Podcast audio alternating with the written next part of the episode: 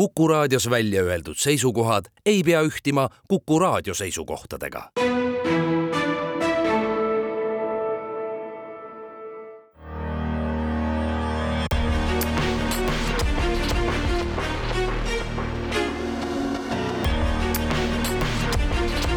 välismääraja tere kuulama Välismäärajat, mina olen Neeme Raud. Tänane saade on suvine ja salvestatud stuudiost väljas. esmalt minu jutuajamine Paides toimunud Arvamusfestivalil Eesti suursaadikuga Ühendkuningriigis Viljar Lubiga. räägime täna Eesti ja Ühendkuningriigi majandussuhetest. tihti me räägime, kui me mõtleme Londoni, Tallinna suhetele, siis räägime kaitsekoostööst ja Briti väed on Eestis nurgakiviks NATO liitlasvägedes aga räägime täna majandusest, sinu enda tagapõhi on ka majanduses olnud varem. Millised on Eesti ja Ühendkuningriigi majandussuhted, kuidas Brexit, see, et Suurbritannia lahkus Euroopa Liidust, on neid mõjutanud? majandussuhted Eesti ja Suurbritannia vahel on tegelikult ajalooliselt väga head.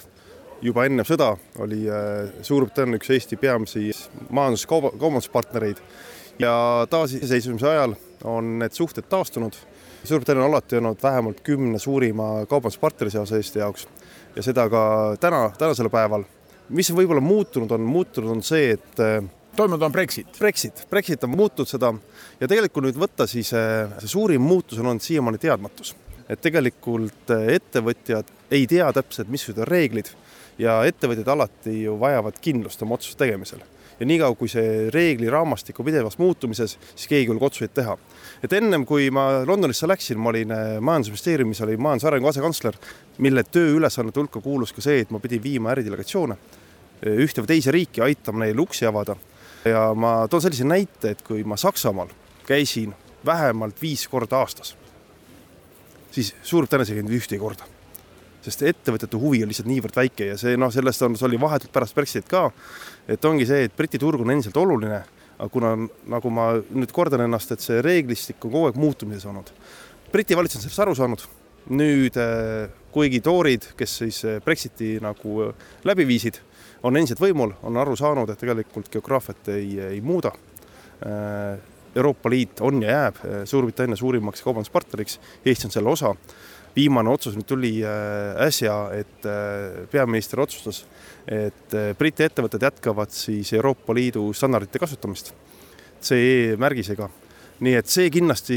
aitab kaasa ka sellele, et Eesti ja Briti omavaheline kaubandus taastuks. tegelikult ta värise auku pole kukkunud, et kui praegu meie kaubavahetuse maht on nii, et me eksport on umbes kuussada miljonit, võib-olla mis selle Eesti tooks, on just teenuste pool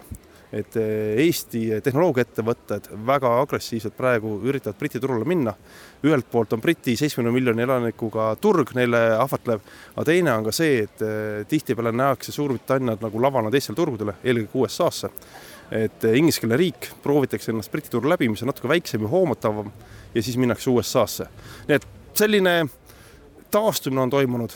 huvi on suurenenud Briti turu vastu. nii et eh, praegu me küll eh, liigume nagu sellel kursil, et kui see väikene majandussurutis, mis praegu globaalset majandust pärsib, et kui need, see uuesti nii-öelda taastub, et me tahaks saada Suurbritannia ka miljardi klubisse. et riik, kuhu Eesti ekspordib vähemalt ühe miljardi jagu aastas, neid riike hetkel on viis. nii et siis Suurbritannia võiks olla kuues. Suurbritannia üks suurimaid tehnoloogiafirmasid on mõneti nagu ka Eesti firma, räägin siin Transferwise'ist nüüdse nimega Wise. ta asub ikkagi Londonis, aga asutajad on eestlased ja tarkvaraarendus käib Tallinnas, nii et mõneti nagu on see meie nagu majandussuhete lipulaev väga palju on tõesti selliseid Eesti ettevõtteid, kellel nüüd on äh, kontorid Londonis ja ka mujal Suurbritannias. mul on au olla Suurbritannias diplomaadina teist korda, kakskümmend aastat tagasi ka, siis täielikult puudus selline kategooria nagu Eesti ettevõtted Suurbritannias. nüüd on neid hulgi.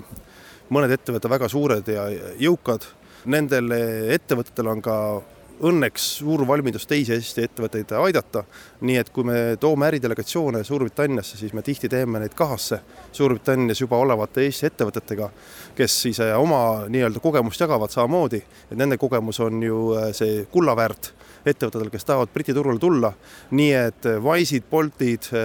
Pipedrive'id, LHV Pank on kusjuures näide sellest, et see peaks olema esimene kommertspank pärast Brexitit mis äh, Londoni Citysse tuli. LHV. jah, nii et LHV on seal kanda kinnitamas ja neil tundub, et ambitsioon on suur, läheb hästi. väga paljud Eesti ettevõtted, kes Briti turul tegutsevad, on ka tegelikult ka LHV kliendid. kui mitte praegu, siis vähemalt plaanivad seda. aga Wise, kuidas me teda vaatame, ikkagi Briti firmad? see on selline jälle küsimus, et kuna mina alati tavatsen öelda, et Eesti pole turg, Eesti on riik et meie turg on niivõrd väike siseturg, et meil pole sellist luksust, et meie miinimumturg on Euroopa Liit ja maksimumturg on äh, globaalne maailm, siis äh, Eesti ettevõtete puhul samamoodi, et tegelikult nad peavadki rahvusvahelised olema. et äh, nende kontorid peavadki olema ka mujal, eriti kui pakuvad teenust, siis on see ju, et sa pead turul lähemal olema. nii et tegelikult nad asuvad mitmes kohas. ma arvan, me saame, me saame sellest headmeelt tunda, et Wise näiteks ongi niimoodi, et neil on äh, suur äh, kontor on Londonis, aga kõige suurem äh, inimeste arvuga kontor on Eestis. kelle firmaks me teda siis peame? küsida tuleks nende käest, aga ma arvan, globaalseks ettevõtteks. no ütleme, kui meie nüüd räägime, et oleme uhked oma ükssarvikute üle, et kuidas me defineerime seda, siis me siiamaani oleme defineerinud selle, selle järgi, et et eh, vähemalt üks eh, loojatest, founder itest peab olema eestlane. Wise'i puhul need on kaks eestlast, aga Dia siis kõige viimane ükssarvik tegelikult murdis seda trendi heas mõttes, et tegelikult founder'id või rajajad ei ole eestlased, aga need on välismaalased, kes tulid Eestisse elama, nägid, et siin on hea keskkond äri, äri kasvatamiseks, lõid firma ja kasvatasid selle siis vähemalt miljardi väärtusega nii et eh, ma põiklen küll natuke vastusest kõrvale, aga ma arvan, et tänapäeval ongi see, et, et eh, meie ettevõtted ongi globaalsed, me saame öelda jah, see idee tekkis Eestis, seda ideed hakati kasvatama Eestis. nii et see on ju selline, kui tulla esimese Eesti eduloo peale Skype'i peale, siis ju tegelikult ega maailm tihtipeale ei teagi, et see on Eesti ettevõte, sellepärast et see, kes selle suureks tegid, oli rootslane ja taanlane aga tegelikult programmi kui sellise kirjutasid ikkagi kolm eestlast. Silicon Valley tunneb seda firmat ikkagi Eesti ettevõttena? näiteks äh, äh, Londonis või Eestis on küll niimoodi, et äh, või Suurbritannias on küll niimoodi, et ma olen palju Eesti ettevõtete käest küsinud, et kas öelda, sa oled Eestist, kas on pigem plussiks või miinuseks, siis tehnoloogiaettevõtted ütlevad, et see on plussiks võib-olla traditsioonilisemast majandusest, et seal tihtipeale oma päritolu ei taheta rõhutada, sellepärast et Eesti ei ole tuntud. Ja siis ongi see, et kui eh, riik, asukoha riik ei ole tuntud, siis võib-olla ka toote, tootest hoitakse eh, eemale, aga tehnoloogiaettevõtete puhul, kuna see maailm ikka räägib ja teab, mida teised teevad, siis seal puhul rõhutatakse seda, et me oleme Eestist.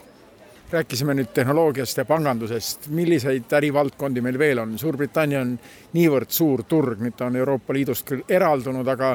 tundub, et huvi selle turu vastu on suur, sest olin just Tartus, Tartu kaks tuhat kakskümmend neli kultuuripealinn ütleb, et Suurbritannia on üks meie sihtriik, kust me tahame saada turiste, nii et meie radarilt ei ole Ühendkuningriik kadunud. ei ole ju, no turist on kindlasti see, et eh, vaatasin ise ka neid eh, numbreid. Covidi eel eh,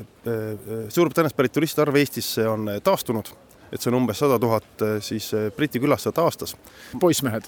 no poissmehe, mehi tundub, et on vähem, kui oli varasemalt. Eh, suureks eh, pudelikaelaks siin muidugi on lennuühendused. et kui ennem Covidit eh, lendas näiteks London ja Tallinna, Tallinna vahel lausa neli ettevõtet, siis praegu neid on kolm. Nad ei ole ka igapäevased, nii et ma arvan, et lennuühenduste puhul on veel ruumi loomulikult numbrite vastu on raske ja meie Eesti riik on väike, et seetõttu kõiki neid lennuliine, mis me tahame, me ei saa aga vähemalt need, mis on olnud, et loodetavasti need taastuvad, et nüüd pärast Covidit inimesed jälle reisivad rohkem, et ka Londonist väljapoole, et Šotimaale, Kesk-Inglismaale, et need lennufirmad, et selle nimel me näeme vaeva, aitame siis lennujaamal ka, Tallinna lennujaamal nii palju kui võimalik, nende liinide saamise nimel teeme koostööd. nii et see turisti saamine on väga oluline, aga võib-olla sektorid, mida ma mainiks, on puidusektor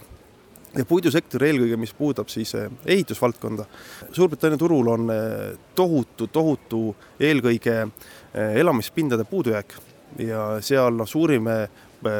murekoht on hetkel küll planeerimises, et just, et need planeeringud saaks tehtud ja uusi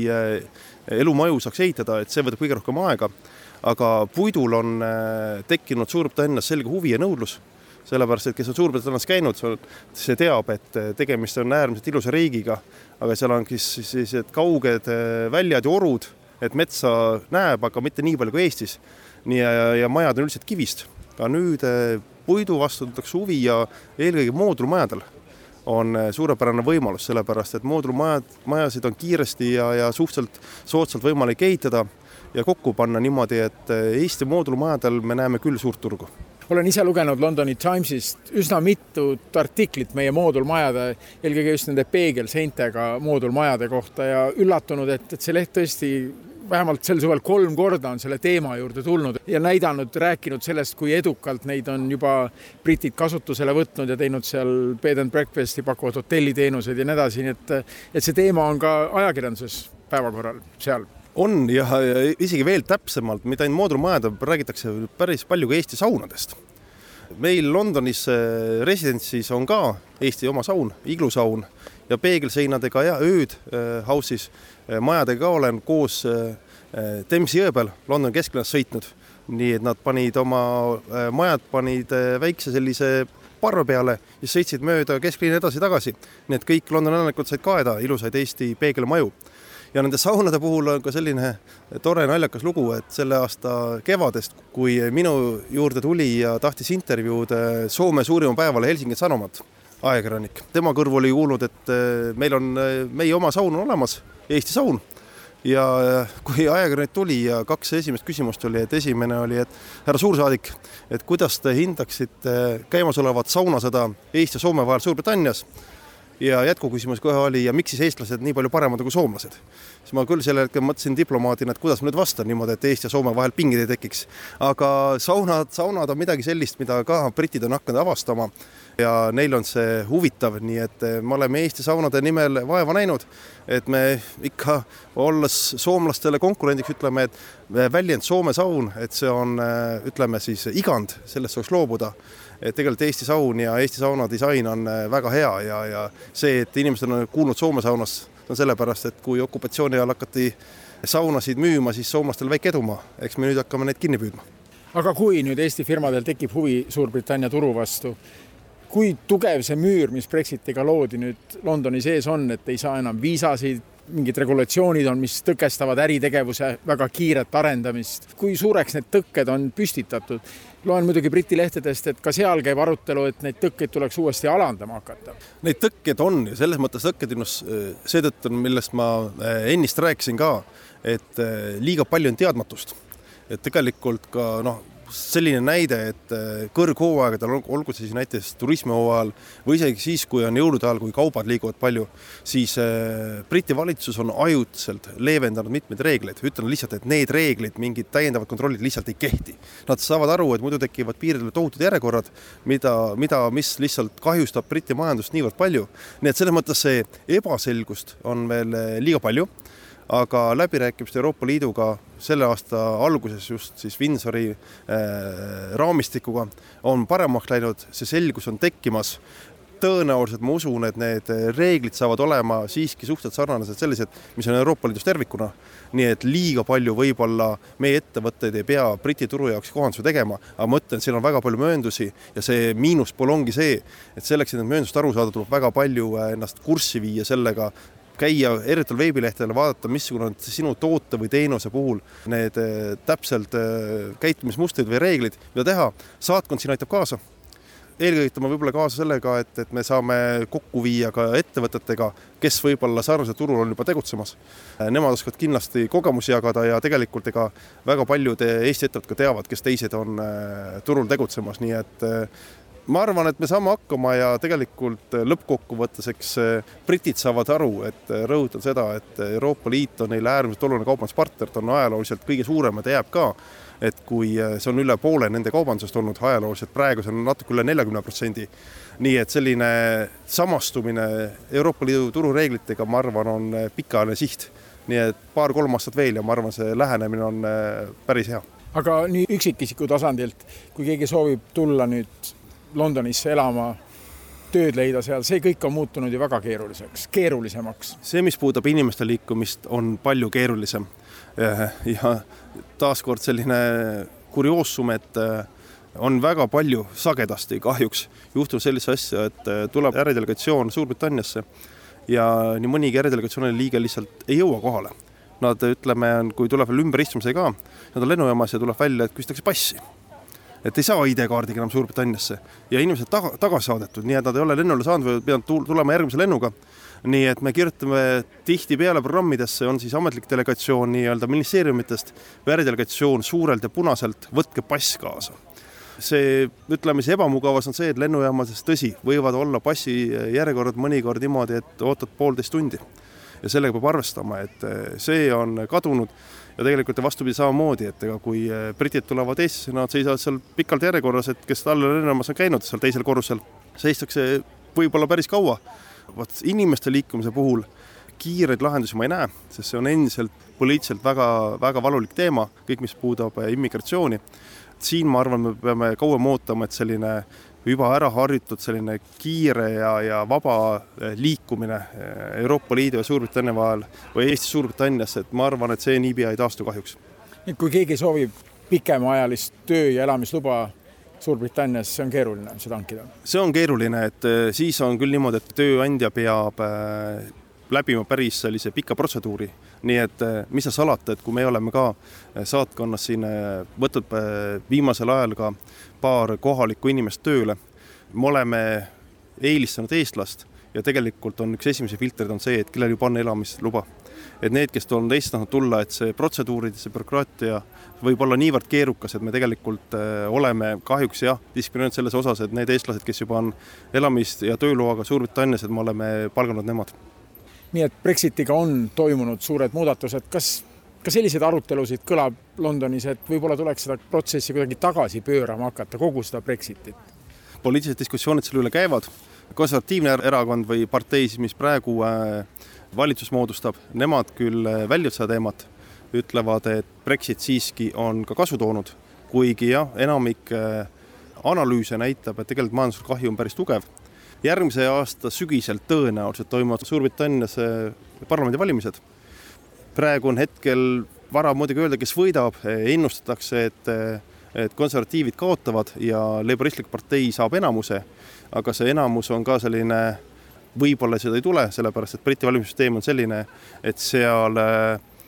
võita enamus kohti peab olema tegelikult häältesaag tohutult suur, et võib-olla on Suurbritannias oodata järgmist koalitsioonivalitsust, räägitakse Labouritest ja liberaaldemokraatidest, aga mine tea, võib-olla toorid taastuvad. Ja siis, kas pärast seda hakatakse taas rääkima Euroopa Liiduga taasühinemisest, ka isegi Labourid on praegu vältinud seda otse välja ütlemast, nad ütlevad, et suhted peavad normaliseeruma, aga taasliitumist nad ei räägi. nüüd viimase kuu aja jooksul küll eh, Briti endine peaminister, kes on siis leiboristlik, Tony Blair, küll ütles selle välja, et tegelikult Suurbritannia peaks seda arutama, et taas liituda Euroopa Liiduga. aga samas ma ei usu, et see on poliitiliselt tehtav ja võimalik vähemalt lähima kümne aasta jooksul. Kas pikas perspektiivis, eks seda näitab aeg ja see ongi see kümneaastane kogemus peab siis näitama, et kas suhteid suudetakse ka ilma liikumiseta nii palju normaliseerida, et see inimeste liikumine, majandustegevus, et see kõik on piisavalt mugav, et sellist liikumist polegi vaja või tuleb välja tegelikult, et ilma liikumiseta seda ei taasta ja kui äh, analüüsid endiselt näidavad, näitavad, et kahju pikaajaline on äh, suurem kui äh, kasu Euroopa Liidust väljaspool olemisest, siis võib-olla see teema tuleb tagasi päevakorda. Eesti suursaadik Londonis Viljar Lubi, aitäh selle sissevaate eest Ühendkuningriikides toimuvasse ja meie ja Briti majandussuhetesse, aitäh! aitäh!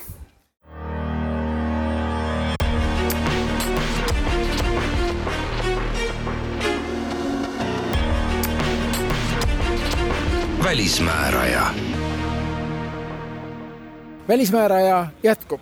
täna suviselt väljast. Minu järgmine vestluskaaslane on rahvusvahelise õiguse professor Lauri Mälksoo. tere päevast! tere päevast! räägime rahvusvahelise õiguse toimimisest. Eesti välispoliitika üks keskne teema on, kui ÜRO-d näiteks vaadata, viimase aasta jooksul olnud Venemaa juhtide üle kohtumõistmine rahvusvahelises kohtus. enne kui sõda läbi, ei saa selles vallas midagi edasi toimuda, aga, aga kui reaalne see on,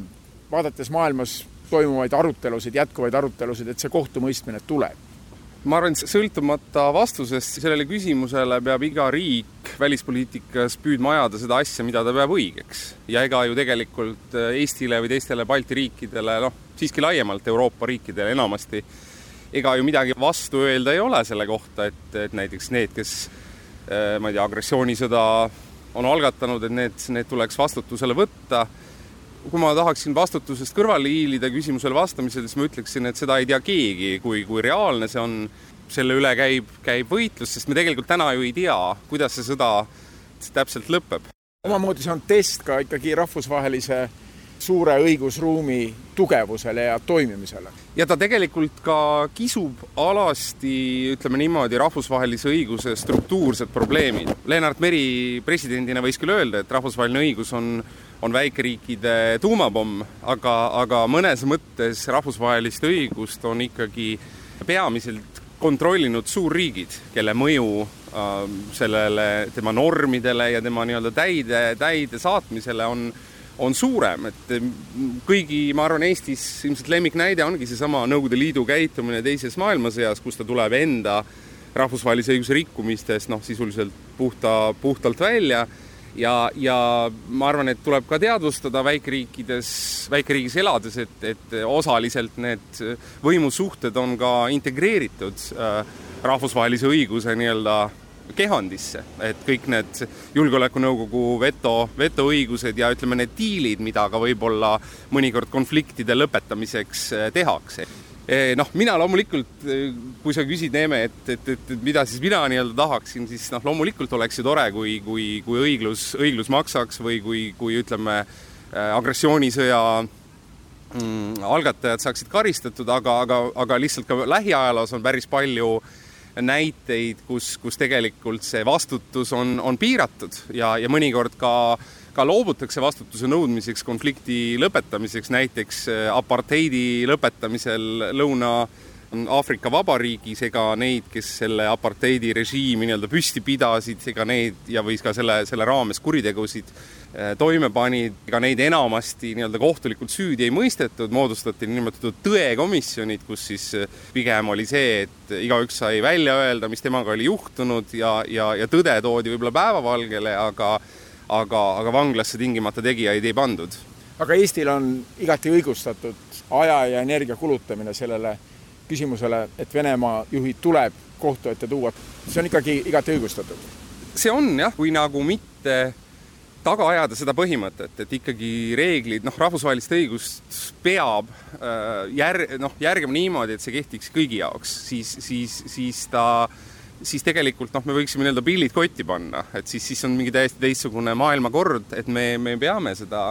seda põhimõtet väljendama riigina, aga, aga mis sellest nii-öelda välja tuleb, vaat siin nüüd see Eesti hääl, teiste Balti riikide hääl on, on osaks sellest sellest üldisest nii-öelda juriidilise välispoliitika protsessist, kus ka tulevad teiste riikide, sealhulgas suurriikide huvid ja vaated mängu. Eesti püüab omalt poolt astuda samme veel ühel rahvusvaheliselt palju kõneainet tekitaval teemal, mida teha Venemaa külmutatud varadega. ja ka siin tahab Eesti olla sellises aktiivses rollis, et need tuleb ära võtta, neid tuleb kasutada Ukraina hüvanguks. kuhu Eesti selle oma aktiivse poliitikaga võib jõuda, kui vaadata nüüd rahvusvahelist õigusruumi? siin on üks aspekt muidugi selles, et Eesti enda valduses ei ole neid Vene varasid just, just nii-öelda üleliia palju. kümnete miljonite ulatuses siiski on, ma lugesin. aga probleem on noh, selles mõttes laiem, et, et tegelikult kui lugeda rahvusvahelist meediat, siis ega riigid nagu Šveits näiteks, kes küll ei ole Euroopa Liidu liige, nad ei, nad ei tõtta tegelikult varasid võõrandama, teades, et sellel on nii-öelda pikaajaline mõju, pikaajalised tagajärjed sellele, sellele usaldusele, mis siis, mis siis ka selle ärikeskkonna vastu on ja on, on ka siis erinevus, eks ju, vara külmutamise ja päris võõrandamise osas. et tegelikult ikkagi noh, vara päris äravõtmine on tõsine, tõsine asi, et ütleme, üks, üks, mis, mida Eesti selles kontekstis peab arvestama, kõik teised lääneriigid peavad arvestama, on see, et me ise oleme enda jaoks äh, püüdnud aastakümnete jooksul ehitada üles äh, õigusriiki, kus, kus siis otsused ei oleks, äh, kus otsused ei rajaks suvale, kus alati peab olema õiguslik alus ja kus on tegelikult kehtib põhireegel, et äh, niisama kelleltki vara võtta ära ei saa ja kui seda tehakse, siis selleks peab põhimõtteliselt, see tuleb nagu kompenseerida. aga kui on käimas sõda? see on õigus, et sõda on käimas, aga, aga see kunagi ka varasemates sõdades ega, ega kuidas öelda, sellist laus eksproprieerimist nii-öelda ka vastase kodaniku eksproprieerimist, noh, seda on tehtud, ütleme, võib-olla ainult osaliselt. no teise maailmasõja järel näiteks Saksamaal. aga, aga, aga ütleme nii, et, et ka antud juhul ju tegelikult lääneriigid samas eh, rõhutavad, et nad ei ole sõdivad osapooled, sõdivad agressorriik Venemaa ja agressiooni ohver Ukraina. ja noh, lisaks sellele, kuidas öelda, tuleb välja öelda ju loomulikult ka see, et, et tegelikult kardetakse seda siis neid Venemaa vastukäike, sest et Venemaas endas on päris palju lääne ettevõtete varasid kinni ja, ja loomulikult nad on juba nii-öelda need Dmitri Medvedjevid ja kõik nad on juba ammu selle välja öelnud, et nii kui teie nii, niimoodi võtma hakkate, siis, siis, siis noh, me teeme sedasama, nagunii see asi on juba eh, kuidas öelda, väga halvas seisus nende, nende mõttes, kes siis lääne, lääne ettevõtetest näiteks sinna Venemaale investeerisid. aga kui Eesti võtaks nüüd sellise aktiivse hoiaku, et tahame maailmale näidata, et ikkagi saab selles küsimuses samme astuda varade võõrandamises mm? -hmm. no siis eh, seda võib teha, aga siin see riskikoht on tegelikult ka see, et eh, Eesti õigusruum, põhiseaduslik õigusruum ei ole, ei ole, kuidas öelda, isoleeritud äh, saar, vaid ta on osa tegelikult Euroopa õigusruumist. ja ma väidan, et lõppastmes selliste sammude nii-öelda õiguspärasust, vastavust äh, äh, ka Euroopa õiguskorra, õiguskordadega, ähm, seda testitakse siis hiljem sellistes sellistes kohtutes nagu Euroopa Inimõiguste Kohus Strasbourgis ja Euroopa Liidu Kohus Luksemburgis võib ka mängu tulla et sellega peab siis arvestama, et, et tuleb, tuleb läbi mängida, et, et, et missugused võimalused on, on siis äh, nii-öelda vaidlustada seda, seda sammu just sellel vara, varaomanikul ja missugune on siis meie õiguslik vastus ja kaaluda läbi see, et kas ka kas ka Euroopa tasandi kohtutes see, see jääks peale, sest näiteks äh, ma tooksin siin ühe ajaloolise paralleeli, kui pärast äh, üheteistkümnenda septembri terrorirünnakuid aktiviseerus julgeolekunõukogu ÜRO-s ja hakati vastu võtma igasuguseid terrorismivastaseid meetmeid, pandi ka inimesi äh, nimekirjadesse, sanktsioonide nimekirjadesse ja kohtuvaidlustes näiteks Euroopa Liidu kohus äh, tõmbas osadele nendele meetmetele nii-öelda vee peale just Euroopa Liidu kontekstis, öeldes, et et sellised sanktsiooninimekirjad, kui neid ei ole võimalik vaidlustada sellel, keda see puudutab, kui neid ei ole põhjendatud, kuidas inimene sinna on sattunud, et, et need ei ole kooskõlas Euroopa Liidu õiguskorraga. et minust valesti aru ei saadaks, ma tahan öelda seda, et, et siin on kahe, kahe printsiibi mõnes mõttes nii-öelda kollisioon või kokkupõrge, et ühelt poolt me, me tahame õiglust Ukrainale, me ei pea õigeks seda, et et, et ma ei tea, üks, üks riik pommitab teist riiki, on alustanud agressioonisõda tema vastu ja sellega kaasneb karistamatus, kaasa arvatud noh, varalises mõttes karistamatus, aga teisalt me oleme seotud ka, ka nende õigusriikluse põhimõtetega, mida me ise oleme kalliks pidanud, mida me ise oleme arendanud, sest tegelikult me ei taha äh, pretsedendina seda, et äh, varasid võetaks kelleltki ära nii-öelda liiga kergekäeliselt ja puht nii-öelda kuidas öelda, realistlikult võttes Eesti-taoline riik ei taha ka seda, et hiljem võib-olla mingisugune Euroopa juristide enamik otsustab, et, et see, see samm ei olnud, ei olnud nagu õige. ma ei ütle, et Eesti peaks olema nendes asjades mingi selline kaasajooksja, kes, kes, kes vaatab ainult, mida, mida nagu suured riigid teevad, et diplomaatilisel tasandil on õige Eh, nagu neid ideid, ideid väljendada, aga aga noh, küsimus on selles, et kas sellised meetmed, mida siis vastu võtta, et kas nad, kas nad peaksid vastu nendele testidele Euroopa Liidu õiguskorras ja, ja ka Euroopa Nõukogu õiguskorras. et ma olen ise ühe sellise kogu nagu Euroopa Nõukogu Veneetsia komisjon liige, kus siis on, rohkem tegeletakse sellega, kuidas riikide konstitutsiooniõigus äh, puutub kokku noh, nii-öelda Euroopa tasandi normidega või ka rahvusvaheliste normidega, nii nagu sellest Euroopas aru saadakse. Ja ma olen seal selle pooleteist aasta jooksul, mis ma seal olen liikmeks olnud, päris palju näinud seda, kuidas, kuidas ikkagi ka ka riigiti see õigusmõte võib erineda. Ja, ja tegelikult äh, ütleme nii, et Euroopas, Euroopa tasandil tervikuna ma arvan, et siiski domineerib see mõtteviis, mis, mis nii-öelda sellest, et nüüd nii-öelda venelasi karistada võimalikult palju, praegu peab oluliseks seda, et me, me peame, me ei tohi loobuda nii-öelda Euroopa enda õigusriikluse ja ka omandiõiguse põhimõtetest, ütleme liiga kergekäeliselt nii et Tallinnas võib küll poliitilise otsuse vastu võtta, aga sellel on järelmid ja see on vaja panna laiemasse konteksti. ma arvan küll jah, et me oleme ise, me oleme ise tahtnud ka sellesama Euroopa osaks saada ja, ja sellest kasu saada. Et ma arvan, et aus on teadvustada ja, ja õige on teadvustada, et, et kuidas öelda, need, need otsused, mida nende sellistes asjades vastu võetakse, nad, nad ikkagi langevad mingisugusesse ühisesse Euroopa, Euroopa konteksti ka. ja, ja selles mõttes ähm, noh, võibki tekkida see kakofoonia, et üks, üks, üks on need sõnumid, mida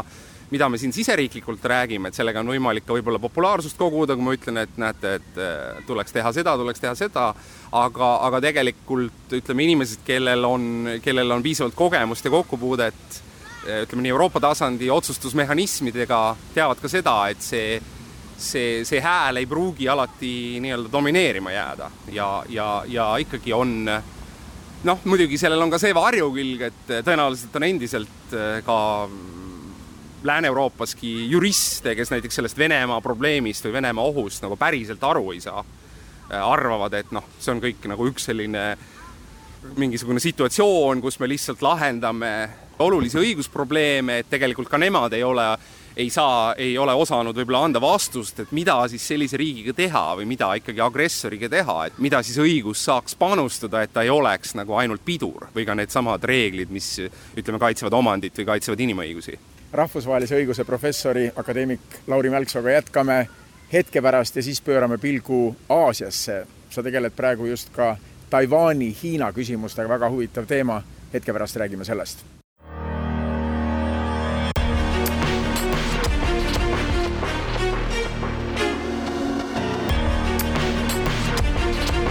välismääraja.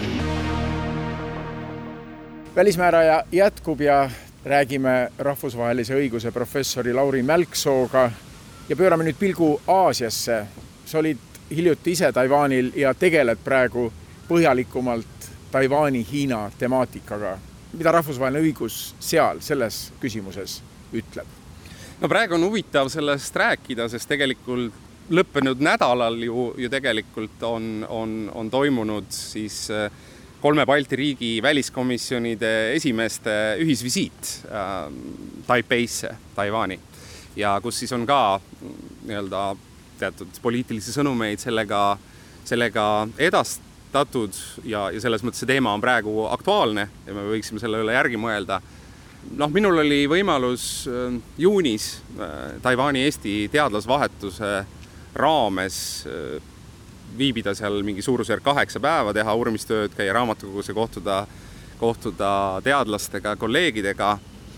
see oli, see oli kindlasti väga huvitav, huvitav kogemus, aga ja, ja praegu ma kirjutan tõesti tegelikult ühte, ühte peatükki ühele raamatule rahvusvahelises projektis, kus teemaks on see, et missugused olid äh, Nõukogude Liidu ja, ja Hiina suhted rahvusvahelise õiguse mõttes külma sõja perioodil, et üks, üks asi, mis ma kohe selle Taiwan, Taiwan'i temaatika kohta saan öelda, on see, et kuivõrd läbipõimunud see kõik on ajaloost, nendest ajaloolistest kihtidest, näiteks see, et tuhande üheksasaja neljakümne üheksandal aastal siis äh, see Kuomintangi äh, valitsus Chiang Kai-shekiga eesotsas, ta kaotab kodusõjas Mao Zedongi kommunistidele ja, ja siis taandub, eks ole, Taiwanile. samas need Taiwan'i eripärad, et ta tuhande kaheksasaja üheksakümne viiendast aastast kuni Teise maailmasõja lõpuni oli tegelikult Jaapani, Jaapani koosseisus. terve, terve põlvkond taiwanlasi kasvasid üles teadmised, et nad on jaapanlased ja, ja kõik see, kõik see nagu saab seal kokku, et minu jaoks on huvitav ka see juristina, et et päriselt ei ole lahendatud ära ka Taiwanis endas see küsimus, et mis Taiwan on. et Taiwan'i enda, enda sisepoliitikas on tegelikult erinevad, erinevad äh, erakonnad äh, panevad erinevaid aktsente sellele, et kas Taiwan noh, nii-öelda peaks tegelikult saama riigiks äh, nimega Taiwan võib-olla juba on seda, nagu mõni väidab või siis ta endiselt tegelikult peaks lähtuma ise ühtse Hiina äh, poliitikast, näiteks, näiteks äh, äh, Hi-, Taiwanis kehtib endiselt neljakümnendate aastate lõpust Hiina Vabariigi põhiseadus, mis tegelikult räägib äh, räägib noh, Hiinast. Ja, ja muidugi ka nende Balt-, Balti riikide väliskomisjonide esimese visiidi puhul eh, kui vaadata neid sõnumeid, mis seal, mis seal on edastatud, ega tegelikult keegi seda ühtse Hiina poliitikat ei, ei, ei vaidlustagi ametlikul tasandil, sest see viiks eh, suhete katkemiseni Hiina endaga. Sest Hiina on ka väga selgelt öelnud, et kuna tema loeb Taiwan'i enda territooriumiks, siis tema sellist, sellist lähenemist ei, ei, ei, ei tolereeriks nii et ma arvan, et see Taiwan'i ja Balti riikide vahel on, on mitmeid huvitavaid, ütleme, paralleele. noh, no üks on see, et nad asuvad siis selliste suurriikide ähm, nii-öelda huvide kokkupuute kohtades, mõnes mõttes nagu rindejoonel, mõnes mõttes nad on piiririigid. ütleme, Taiwan'is põrkavad kokku Hiina ja, ja Ameerika Ühendriigid eelkõige siis suurjõududest, samal ajal kui noh, Balti riikides, eks ole, Lääs äh, ja, ja, ja, ja Venemaa Äh, Balti riikide piiril, ütleme nii. Äh, aga on ka mitmeid olulisi erinevusi ja tegelikult ma väidaksin, et Taiwan'i enda staatus äh, rahvusvahelises õiguses on selles mõttes eba, ebaselgem, et ta on nagu ühelt poolt selline de facto moodustis, tegelikult, kuidas öelda, enamus maailma riike ju ei ütle välja seda või ei ole andnud tunnustust sellele, et on eraldi riik nimega Taiwan. ja, ja nii nagu seesama Julgeolekunõukogu on äh, on ehitatud, siis, siis kindlasti Hiina seda ka ei lubaks. Ja ma arvan, et see huvitav, ütleme, see moment, mida jälgida, ongi see, et et kas Taiwan'i sisepoliitikas äh, võivad veel edasi tugevneda, ütleme, need jõud nagu, nagu ka praegune president, kes tegelikult pooldavad seda, et, et öel-, rääkida enam mitte nii-öelda Hiina Vabariigist, vaid sisuliselt Taiwan'i Taiwan'i riigist ja võib-olla juba lähtuda sellest, et tegelikult see on juba olemas päriselt, nüüd tuleb lihtsalt äh, saada suuremat tunnustust või siis, äh, et kuidas, kuidas näiteks valimistel, mis minu teada tulevad seal järgmisel aastal, millise tulemuse saavutavad need jõud, eelkõige siis see vana Chiang Kai-sheki erakond, temast lähtunud erakond Kuomintang, et, et, et kes on nagu seni pigem lähtunud sellisest äh, poliitikast, et peab ikkagi lähtuma Hiina ühtsusest. huvitav on mõelda, mõeldes Nõukogude Liidu ja Hiina suhete peale, et Hiina tõus on toimunud viimase neljakümne aasta jooksul. et pikka aega oli neis suhetes ikkagi Moskva see dominantne mängur, mitte Peking. nüüd on olukord muutunud vastupidiseks. jah, seal on väga huvitavaid nüansse, et näiteks, näiteks minu isa Nõukogude armee sõjaväelasena oli kuuekümne üheksandal aastal siis äh, Hiina Nõukogude piiril kuskil Chita lähedal, kui olid need äh, tegelikult äh, Hiina ja Nõukogude Liidu vahelised piiri, piirikonfliktid, kus ka, kus ka inimesi sai, sai surma, et kui lugeda neid allikaid külma sõja aastatest, siis tegelikult äh,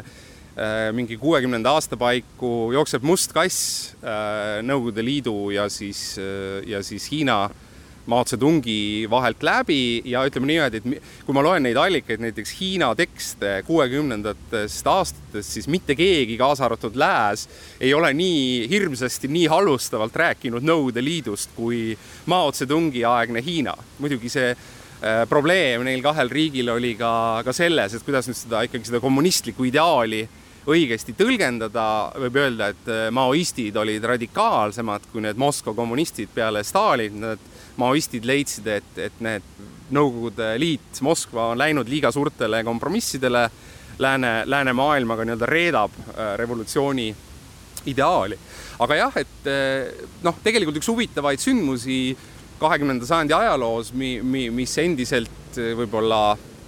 kuidas öelda, mida me peaksime silmas pidama, on see, kui üheksakümne esimesel aastal vahetult mõned kuud enne Nõukogude Liidu lagunemist tegelikult Hiina äh, ja Nõukogude Liit jõuavad nagu põhimõttelisele kokkuleppele selle piiri, piiri osas, piirilepingu osas, mis tegelikult eh, külma sõja perioodil oli, oli nii-öelda vaidluse objektiks, sest sest tegelikult Hiina ütles niimoodi, Hiina nagu suurim teema, kui me räägime rahvusvahelise õiguse ajaloost, on see, et Hiina on hästi palju kritiseerinud üheksateistkümnendast sajandist pärit niinimetatud ebavõrdseid lepinguid. ja, ja mis siis noh, sõlmiti, ütleme, Euroopa koloniaalimpeeriumide poolt ja Hiina seisukoht oli see, et ka need piirilepingud, mille, mida Tsaari-Venemaa sõlmis äh, toonase Hiina keisririigiga, et need olid ka ebavõrdsed lepingud, need olid surutud peale sõjalise jõuga ja, ja Mao Zedongi ajal öeldi, et et Nõukogude Liit peaks seda tunnustama. ta peaks seda tunnistama ja, ja siis selle pinnalt saab juba edasi vaadata, et kus kompromissi noh, otsida, aga see, see tunni, tunnustus tuleks ära öelda. Ja Nõukogude Liit muidugi noh, ei tahtnud seda, tahtnud seda teha, aga, aga või lõpuks võib öelda, et, et mõlemad riigid, nad kaotasid oma algsest imperiaalsest koosseisust kahekümnendal sajandil, näiteks näiteks Nõukogude Venemaa ju aitas eraldada algsest Hiinast sellist riiki nagu Mongoolia, et, et paljuski Mongoolia tekkis ka Nõukogude Venemaa, ütleme nii, sekkumise ja juba tegelikult Tsaari-Venemaa sekkumise tulemusena Hiina ajaloos Mongooliat nimetatakse ju välismongooliaks, neil on ka sisemongoolia, ütleme tänapäeva Hiina enda mm, koosseisus. aga nii et, et ütleme, Vene abil eraldati Hiinast kahekümnenda sajandi alguses Mongoolia, aga noh, ma ei tea, kas see on omamoodi siis äh, nii-öelda impeeriumide lagunemise loogika, aga siis üheksakümne esimesel aastal tegelikult ju ka see Vene, Vene-Hiina piir täielikult muutub, sest et, et, et noh, nii paljud uued riigid tekivad sinna Kesk, Kesk-Aasiasse ja, ja, ja selles mõttes see, see piir Venemaa ja, ja Hiina vahel ei olnud ka enam see, mis ta oli, mis ta oli Nõukogude Liidu ja, ja Hiina vahel, kõik need Kesk-Aasia vabariigid, et seal, seal oli ka külma sõja perioodil oli piiri piiriküsimusi õhus, et näiteks, näiteks osad kaardid Puna-Hiinas veel viiekümnendate aastate alguses näitasid üldsegi Tadžikistani äh, kuuluvat Hiinale ajalooliselt, nii et, et need, need impeeriumid on seal ka kokku põrganud, aga on üks huvitav tõesti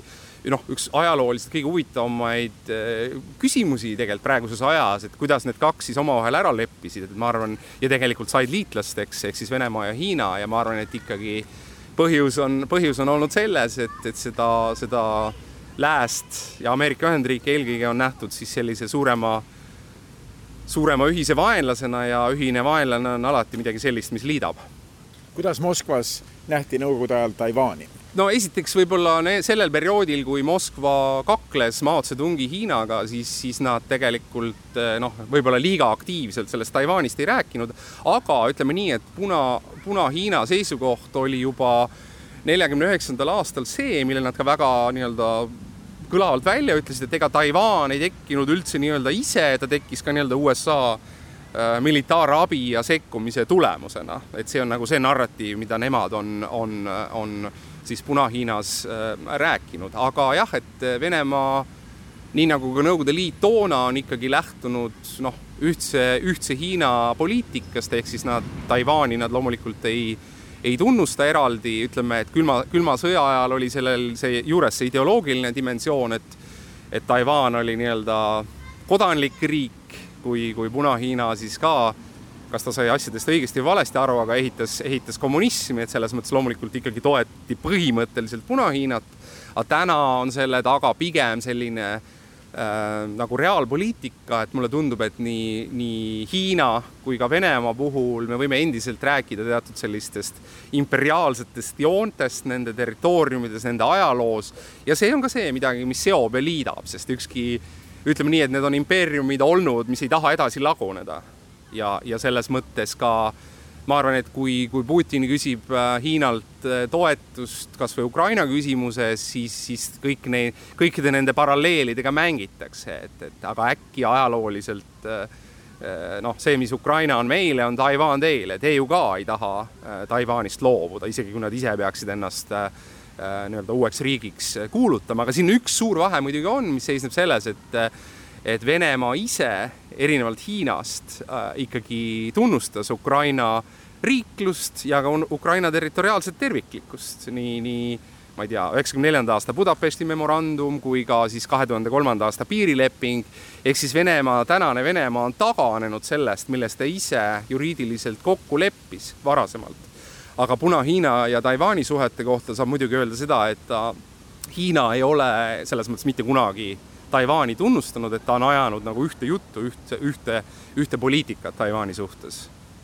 meie kolme Balti riigi parlamentide väliskomisjonide juhid olid sel nädalal Taipeis, aga suhete arendamine ja soojendamine Taipeiga on ka selline trikiga küsimus, me näeme, mis on toimunud Leedu ja Hiina suhetes pärast seda, kui Vilnius lubas Taipeil avada Taiwan'i nimelise esinduse Vilniuses, tavaliselt on üle maailma ikkagi Taipei kultuuriesindused, mis seda riiki esindavad. ja Hiina reaktsioon oli väga valulik, leedulased said küll Taiwan'is väga sooja poolehoiu, aga Hiinaga kaubandussuhted kannatasid, nii et siin tuleb väga hoolikalt kalibreerida, kuidas ja mida teha Taiwan'i teemal. ja see on eriti, ma arvan, väikeriikidele on, on see suur dilemma, et ühelt poolt nii-öelda väärtuspõhine poliitika, toetada teisi, kes on võib-olla mingites aspektides sarnases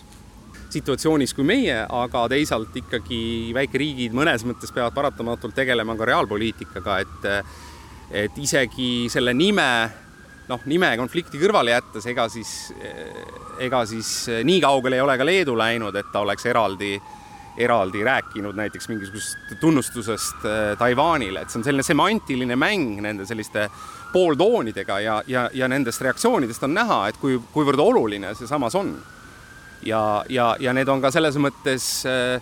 äh nagu sellised test testkaasused, et ega siis millega muidugi peab arvestama, on see, et eh, suur riik, eriti selline suur riik nagu Hiina, kes peab oma ajalugu tuhandete aastate pikkuseks. nii ehk teisiti äh, Taiwan'i küsimust tegelikult ei ole võimalik vaadata lahus ikkagi sellest äh, küsimusest suhetest Hiinaga ja, ja, ja tegelikult, kui ma vaatasin neid sõnumeid, mida väliskomisjonide esimehed äh, seda edastasid, kui nad sinna reisile läksid, siis üks, üks oligi see, et Balti riikide ühisseisukoht on see, et, et seda staatus quo'd ei peaks muutma nii-öelda relvajõu teel. noh, millega on, mis on oluline seisukoht, mis on õige seisukoht, aga sellega ei ole veel öeldud seda, et mis see Taiwan ikkagi täpselt on. ja sellega jäetakse seesama küsimus ka nii-öelda nii ka konstitutsiooni kui rahvusvahelise õiguse mõttes lahtiseks et ja tegelikult äh, Taiwan'i küsimus ongi juba mitmeid aastakümneid vältavas sellises nagu limbos, et tegelikult tal ei ole ühest vastust, millega kõik äh, nõus on, et, et, et millega seal on tegemist. Et ainus see konsensus tõesti on see, et sõda ei peaks olema, aga ütleme niimoodi, et Mandri-Hiina liidrite seisukohast kell tiksub et eh, nende arvates, kuna nad lähtuvad ühtse Hiina poliitikast, siis ei saa nii-öelda igavesti väita seda, et, et aga äkki, äkki räägime läbi, kui on ilmselge, et võib-olla teine pool tegelikult enam läbi rääkida ei taha. muidugi seal on siis ka äh, see veel aspekt, mis on tänapäeva, ütleme ta,, taiwanlastele väga nii-öelda muret tekitanud, on see viis, kuidas äh, Hiina võttis üle Hongkongi ehk siis äh, endine Briti koloniaalvaldus ja siis kokkulepe, mis kaheksakümnendatel aastatel Londoniga sõlmiti, oli see, et Hiina võtab küll Hongkongi üle, aga jääb kehtima nagu põhimõte, et on küll üks riik, üks suveräänsus, aga kaks erinevat süsteemi. ja nüüd tegelikult nende seoses Hongkongi väljaastumistega ja sellega, kuidas mandri, kuidas Hiina valitsus sellele reageeris, oli selge, et et seda Hongkongi autonoomiat ikkagi kärbiti viisil, mis siis omakorda tegelikult mõjutas poliitilisi protsesse Taiwanil, kus siis äh, paljud elanikud hakkasid ütlema, et me ei saa tegelikult nii-öelda Hiina lubadusi usaldada, sest lõpuks ikkagi selle režiimi olemuses, selle valitsuse olemuses on see, et nad tahavad kõike üle võtta, nad tahavad kõike kontrollida, et see üks, üks, üks riik, kaks süsteemi, et see saab parimal juhul olla ainult mingisugune ajutine lahendus, nii nagu ka võib-olla on juhtumas Hongkongiga. Lauri Mälksoo, rahvusvahelise õiguse professor, aitäh selle intervjuu eest ja Välismääraja ongi tänaseks kuulatud, mina olen Neeme Raud, ilusat pühapäeva jätku!